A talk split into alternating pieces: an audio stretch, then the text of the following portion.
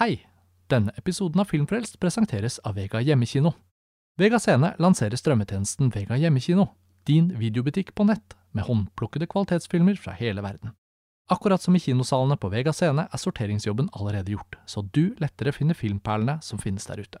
For å se film på Vega Hjemmekino trenger man ikke abonnement, men leier eller kjøper kun de filmene man vil se. Katalogen kommer til å vokse i omfang og oppdateres hele tiden med nye favoritter. Vega Hjemmekino er tilgjengelig i hele landet og finnes på vegahjemmekino.no.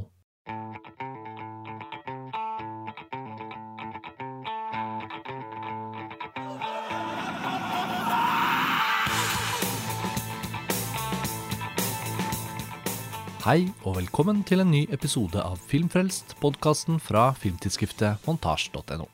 Mitt navn er Karsten Meinick, og i denne episoden så skal vi møte den amerikanske regissøren Eliza Hitman for å snakke med henne om hennes nye film Never Rarely Sometimes Always. Og denne filmen var i fokus på Filmfrelst for noen episoder siden, da vi presenterte vår kåring av de beste filmene fra filmåret 2020. Never Rarely, Sometimes Always var en film som både jeg og Rosko Koretsinski og Lars Ole Kristiansen hadde høyt på våre lister, og vi snakket om filmen tidlig i Filmfrelst-episode 430, del 1 av årslistekåringen. Så for de som ønsker å høre en kort diskusjon om selve filmen, så henviser jeg til denne episoden. Den varer ca. ti minutter, den samtalen vi hadde om filmen da. Men vi har også intervjuet Eliza Hitman om denne filmen og det skjedde i anledning filmfestivalen i Tromsø i januar. Da skulle Never Rarely Sometimes Always opprinnelig bli vist på den fysiske utgaven av festivalen, men da festivalen måtte gå over til en heldigital utgave, ble ikke filmen likevel vist. Så intervjuet vi hadde gjort med Eliza Hitman, det ble liggende litt i limbo, men nå kan vi endelig presentere det fordi filmen omsider er sluppet på norske digitale klikkefilmtjenester. Så det er mulig nå å leie og kjøpe Never Really Sometimes Always på iTunes og på Google Play og på leietjenesten til YouTube. Så vi oppfordrer lytterne til å sjekke ut denne filmen. Eh, og i vår samtale med Eliza Hitman, som selvfølgelig foregår på engelsk, og som skjedde over Zoom, så snakker vi ganske inngående med regissøren om hvordan hun har jobbet med denne filmen, dens aborttematikk, de unge skuespillerne og flere andre elementer som vi syntes var spennende å spørre henne om. Så da setter jeg vel egentlig bare over til meg selv og eh, min samtale med Eliza Hitman. Eliza, thank you very much for uh, being uh, here in this digital space with us. Thank you. Thank you for inviting me. I'd like to begin with just jumping into this film because I, I, I do believe that it's one of the strongest films I've seen uh, in the last year. And uh, it comes from its ability, as I see it, to just be immediate in a way. And uh, I'm sure that the art of filmmaking is something you never finish learning about, but at some point there's a craft and there's a, a method that just crystallizes itself. And and there's something about the idea the, the, kind of narrative idea of the main characters and their mission sort of or their quest to that we will talk more about and the striking imagery and and the the, the poetics in a way of of the film. Mm.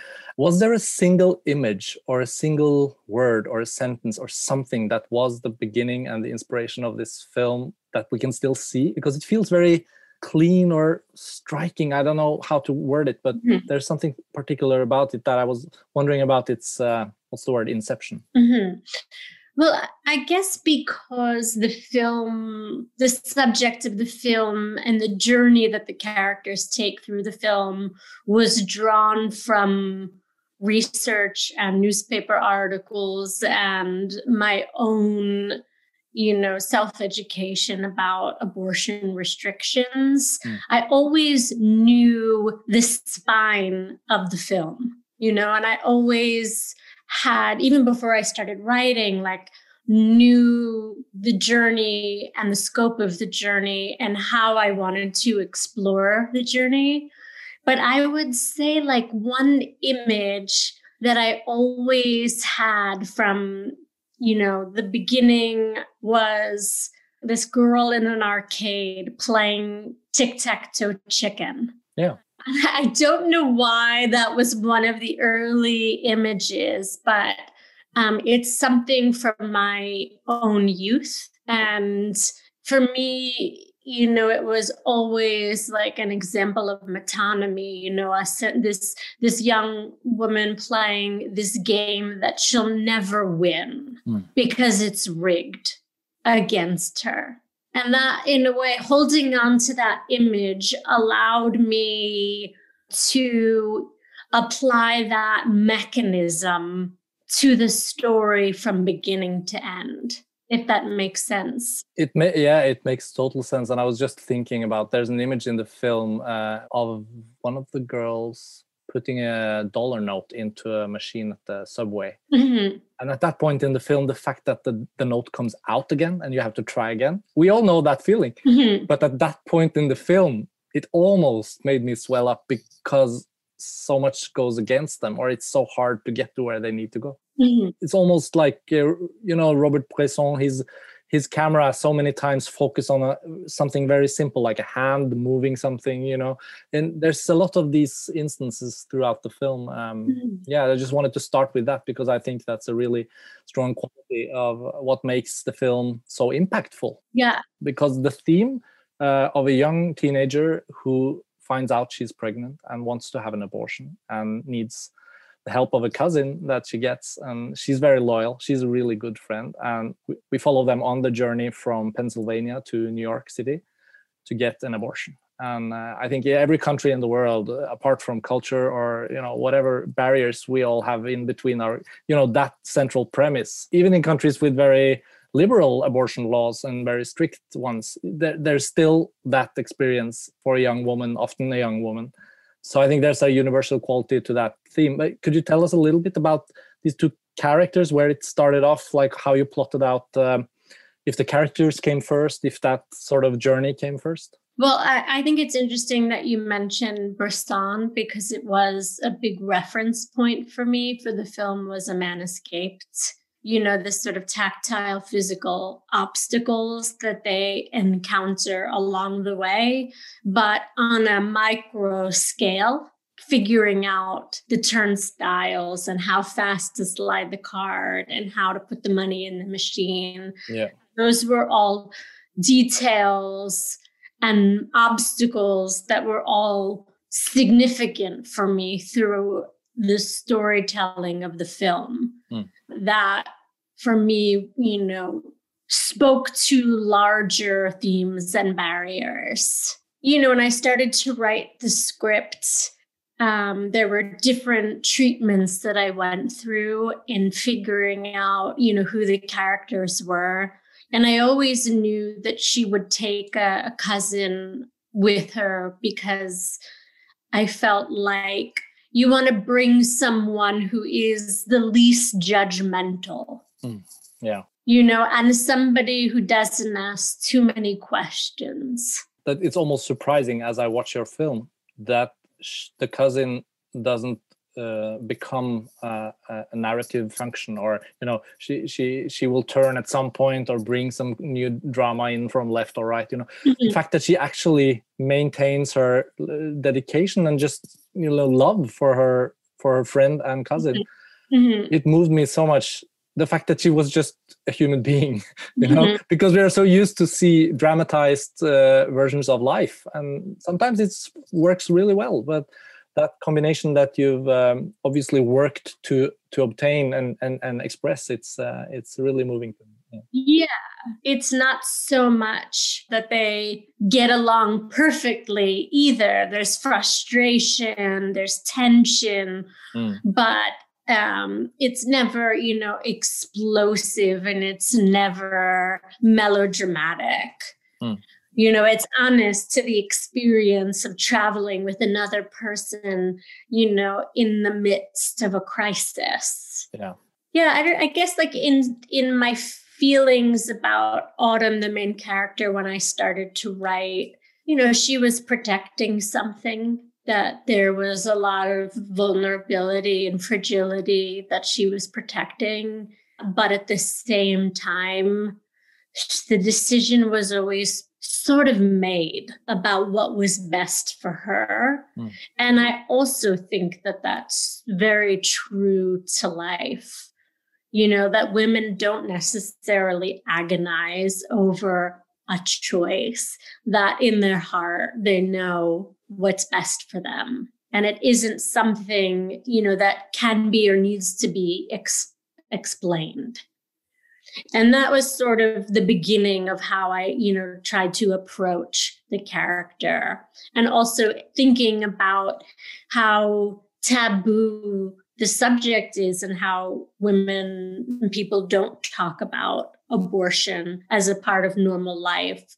So we feel that, that there is um, this kind of elephant, you know, in the room that she's trying to address in her own way. And um, yeah, so those were sort of the the parameters or the kind of like core, I would say, of the character that I was writing. Mm. And I, I wanted the cousin to be, you know, empathetic and supportive without being overly precocious, having all the right smart answers and know the way and to keep them going. And there is a, you know, and a levity to her you know, that is somehow was lost from the main character.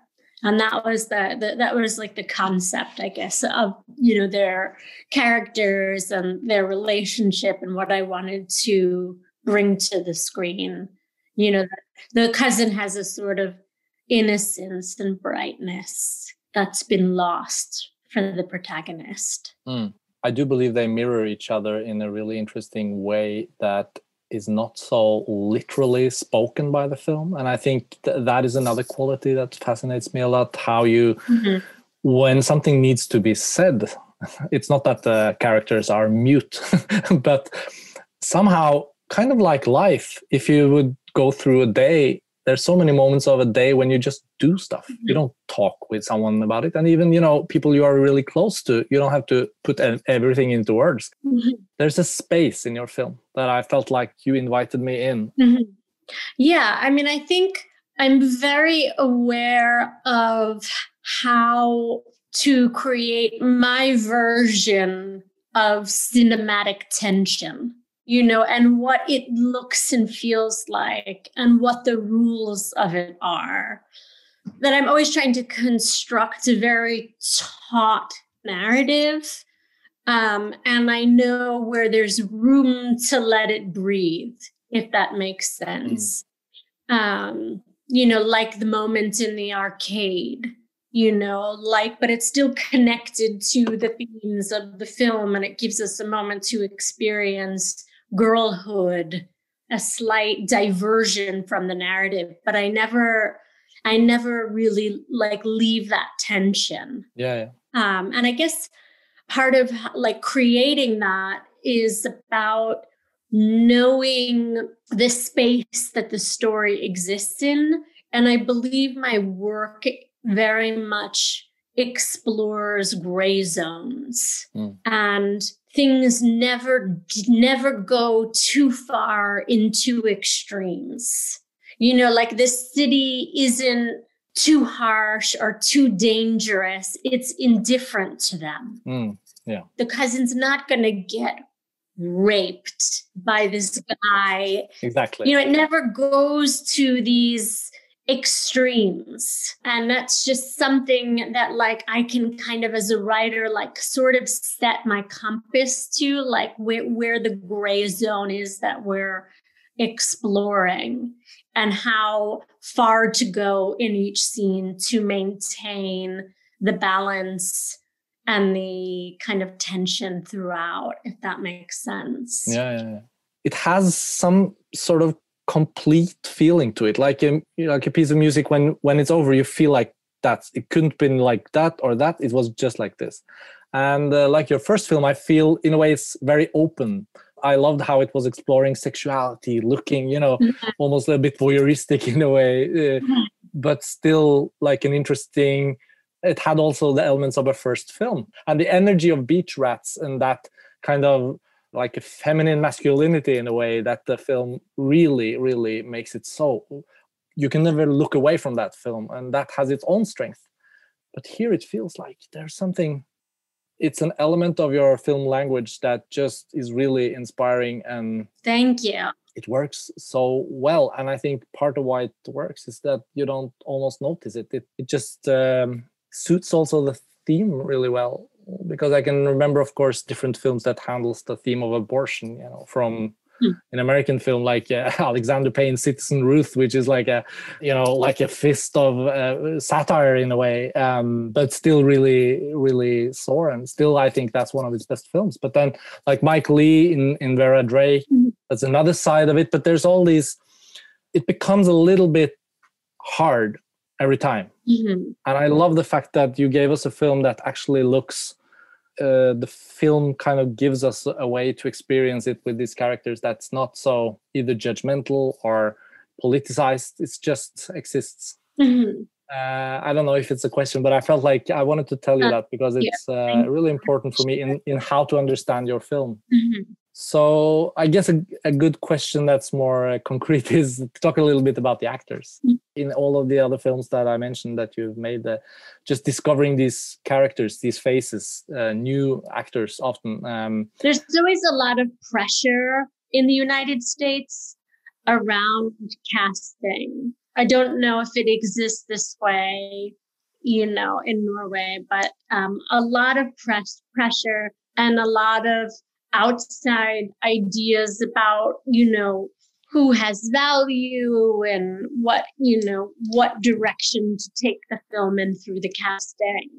Hmm. And I'm somebody, you know, who really likes making discoveries and immersing the audience in a world they haven't seen before. And that's through the actors. It doesn't matter to me as, you know, if they have acted before or they haven't acted before, but they have to bring, you know, they have to be unfamiliar in a way to the audience. Mm. They have to be their own characters.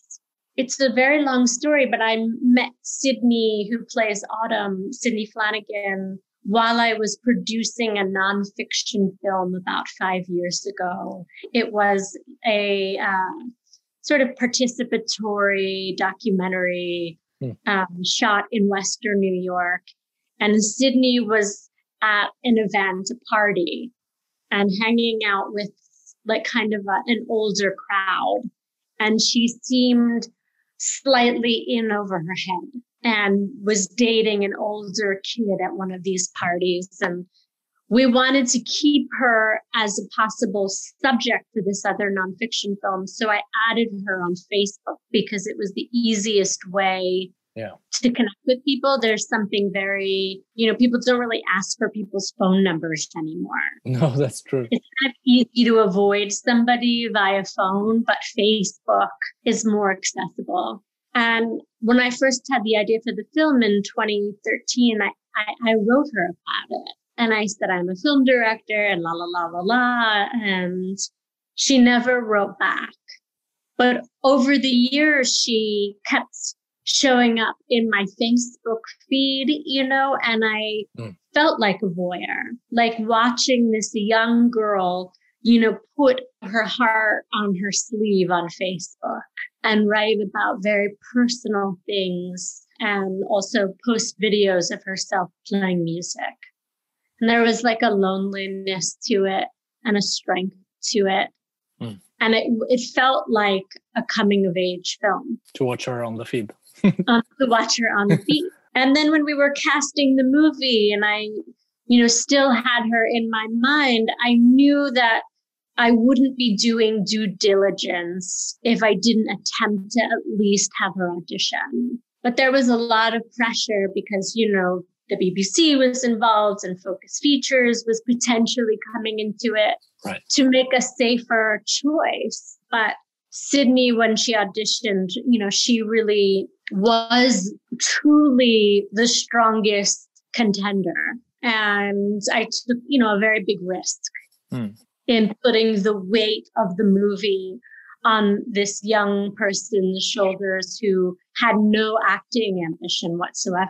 She had performance ambition, music mm. ambitions, but not acting. So when the film opens with her performing uh, a song, was that inspired by her as a as an actress and performer? A little bit, yeah, yeah. as soon as you start watching this film, you get that feeling of the, the raw, sort of naked nerve of, of watching like a, a school concert as it is. And I believe that that choice that you make to open like that, it gives me that connection to her immediately, even though I don't know who she is and what the film is going to be about, uh, you know? Mm-hmm. But the casting, of course, you know, you take a chance there, but you must have had that in your gut to know that she was, uh, she had the potential to to be that this good. Yeah. I mean, she was a very good, you know, actress from the beginning. You know, I didn't teach her to act. For me, it's about finding people who are really talented who we haven't you know necessarily seen before. I don't want to train an actor. There's not time for that you know? It's, yeah. it's about raw talent. Yeah.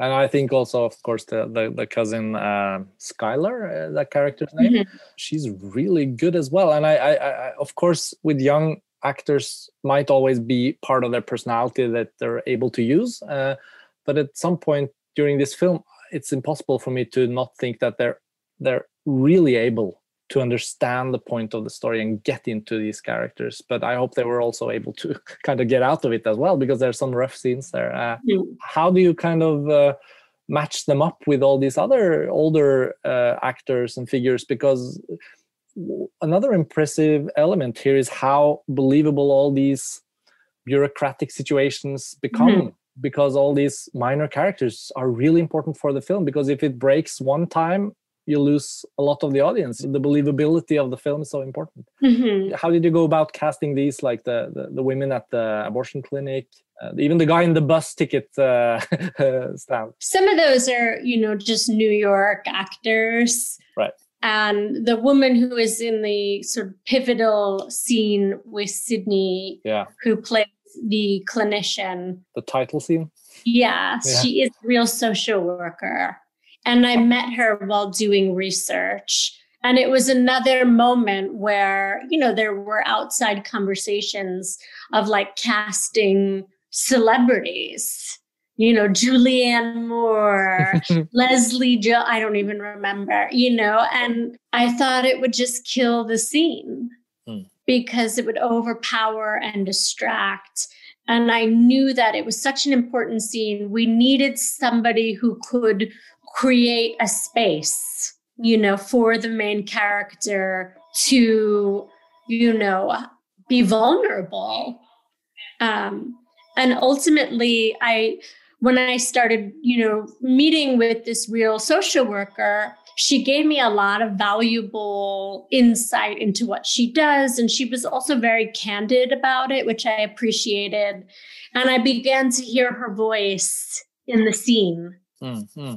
And it was impossible for me to find anybody else. You know, it was always her. So why not just cast her? Yeah, the scene is uh, so strong and even casting choices of course uh, contribute so much to that. But also the fact that you do so few cutaways. Did you even shoot a lot of different angles in that scene or were you no no. you already knew that you were that's it. You know there it, and what you see in the film is really the first take on sidney. Oh wow yeah yeah when i saw it the second time just last week i i, I didn't forget about it in the time between the first and second viewing mm-hmm. but it still struck such a, such a nerve because uh, it, it's such a, the right place in the story we know so much about her at that point and um, even though i knew the title and the, the answer uh, um, options um, mm-hmm. and i do think that's that comes down to your choice as a filmmaker to tell it like it is because there's so many ways to flatten that scene as well Mm-hmm. Um, there's a lot of ellipses here that you know some of the choices might have been in editing or or they were already in the script. And that made me think my favorite filmmaker who always play with ellipses is claire denis. Mm-hmm. i always expect it to be like when you know what's she going to do this time? She's going to be jumping like seven years or three months or one week? You know you never know. It's a short period of time in your film but still you find those moments. And i do believe that the editing here is really immaculate. Uh, uh, did you work close together all the time, or you leave him alone a little bit for the some of the process? Um, I guess the way that I try and do things is while I'm shooting, I like to have two editors. Yeah. And they cut together Cool. so that by the time I'm done shooting within a week, we have a cut. And then one of the editors kind of, you know, moves on. But it does it allows us to get a head start, I think, on the edit and think about if we need to go back for anything. Um, or if there's anything that didn't work. You know, Yeah. we're cutting yeah, yeah. as much as possible as quickly as possible um, i think you know i think my editor because he's edited everything i've ever made uh, there is a real shorthand Yeah. and he knows that i like to cut and think about things subjectively you know how can we see this scene through the point of view of the character Yeah. you know making sure that throughout we understand what she's thinking and feeling because i am trying to in the absence of cutting dialogue construct and document thought Mm. and construct this sort of inner inner dialogue of what she's thinking so it's it's another way of you know it's another way of cutting in a way yeah. think about her interior in a way and what it's saying to the audience at every point Yeah. and the interior arc of her thought And a perspective is is all, of course really important in a story like this as well because uh, especially in America the subject matter itself is such a potent uh, you know conversation starter to say it mildly. Um, but at the same time you know you how can you ever understand what another person goes through and that's some of the beauty of cinema i think even of course literature but it has its own way of going into the subjectiveness uh, and cinema has this uh, incredible opportunity of being so concrete and realistic in its imagery that the images are there and then that's that's Mhm.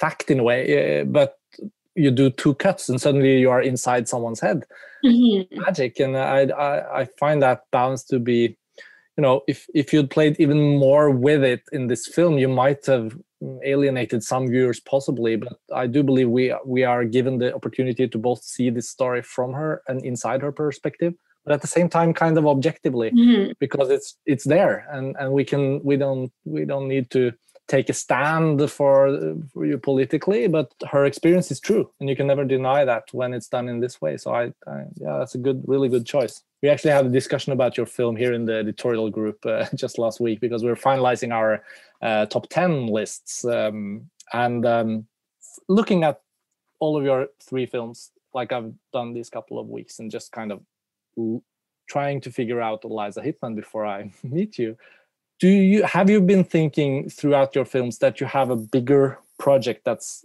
going on in a way that you're looking at Mhm. youth uh, and um, that's a simple way of putting it but but it, there's there's an element of coming of age i think in all three of the films is Mhm. that like a conscious choice do you feel like you're analyzing yourself throughout while you're making it or Mhm. am i onto something No, I think it's a good question. I'm not sure I have the perfect answer.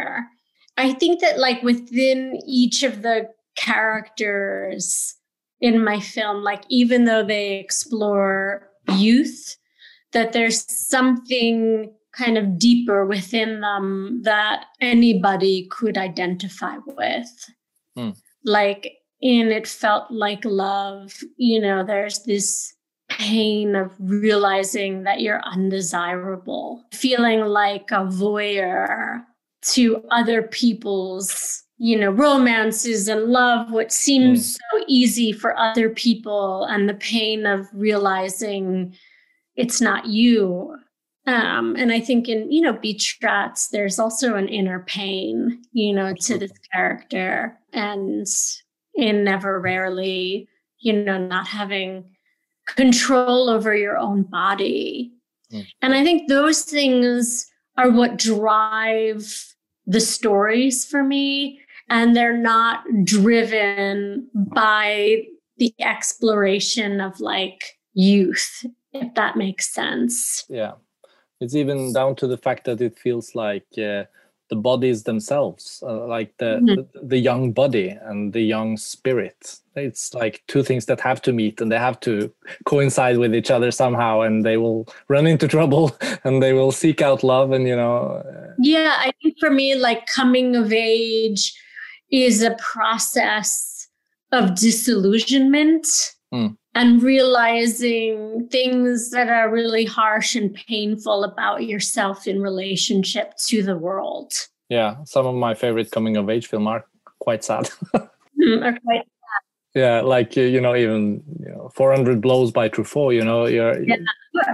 Mhm. that image by the sea in the end it's kind it's a liberation but it's also that disillusionment and you know where's this boy gonna go from here uh, a lot of films uh, end on those kind of freeze frames and you, you feel like okay Mhm. that was a moment frozen in time and you know who knows where they go eliza thank you very much for taking the time to talk with us across the atlantic Thank you. Nice to meet you. Be safe. Be well. we will and you too Thank you. Take care. Thank you thank you bye bye Bye. Og det var vårt intervju med regissør Eliza Hitman. Og filmen hennes Never Rarely Sometimes Always er altså å leie digitalt nå i Norge på eh, klikkefilmtjenester som iTunes, Google Play og YouTubes leiefilmtjeneste. Vi eh, anbefaler filmen varmt, og eh, håper flere av lytterne tar seg tiden til å lete den opp. Det er en liten perle som har gått litt under radaren under koronapandemien. Det var det for denne gang. Takk for at dere hører på Filmfrelst. Vi gleder oss til å by på nye runder og samtaler om film utover våren. Ha det bra!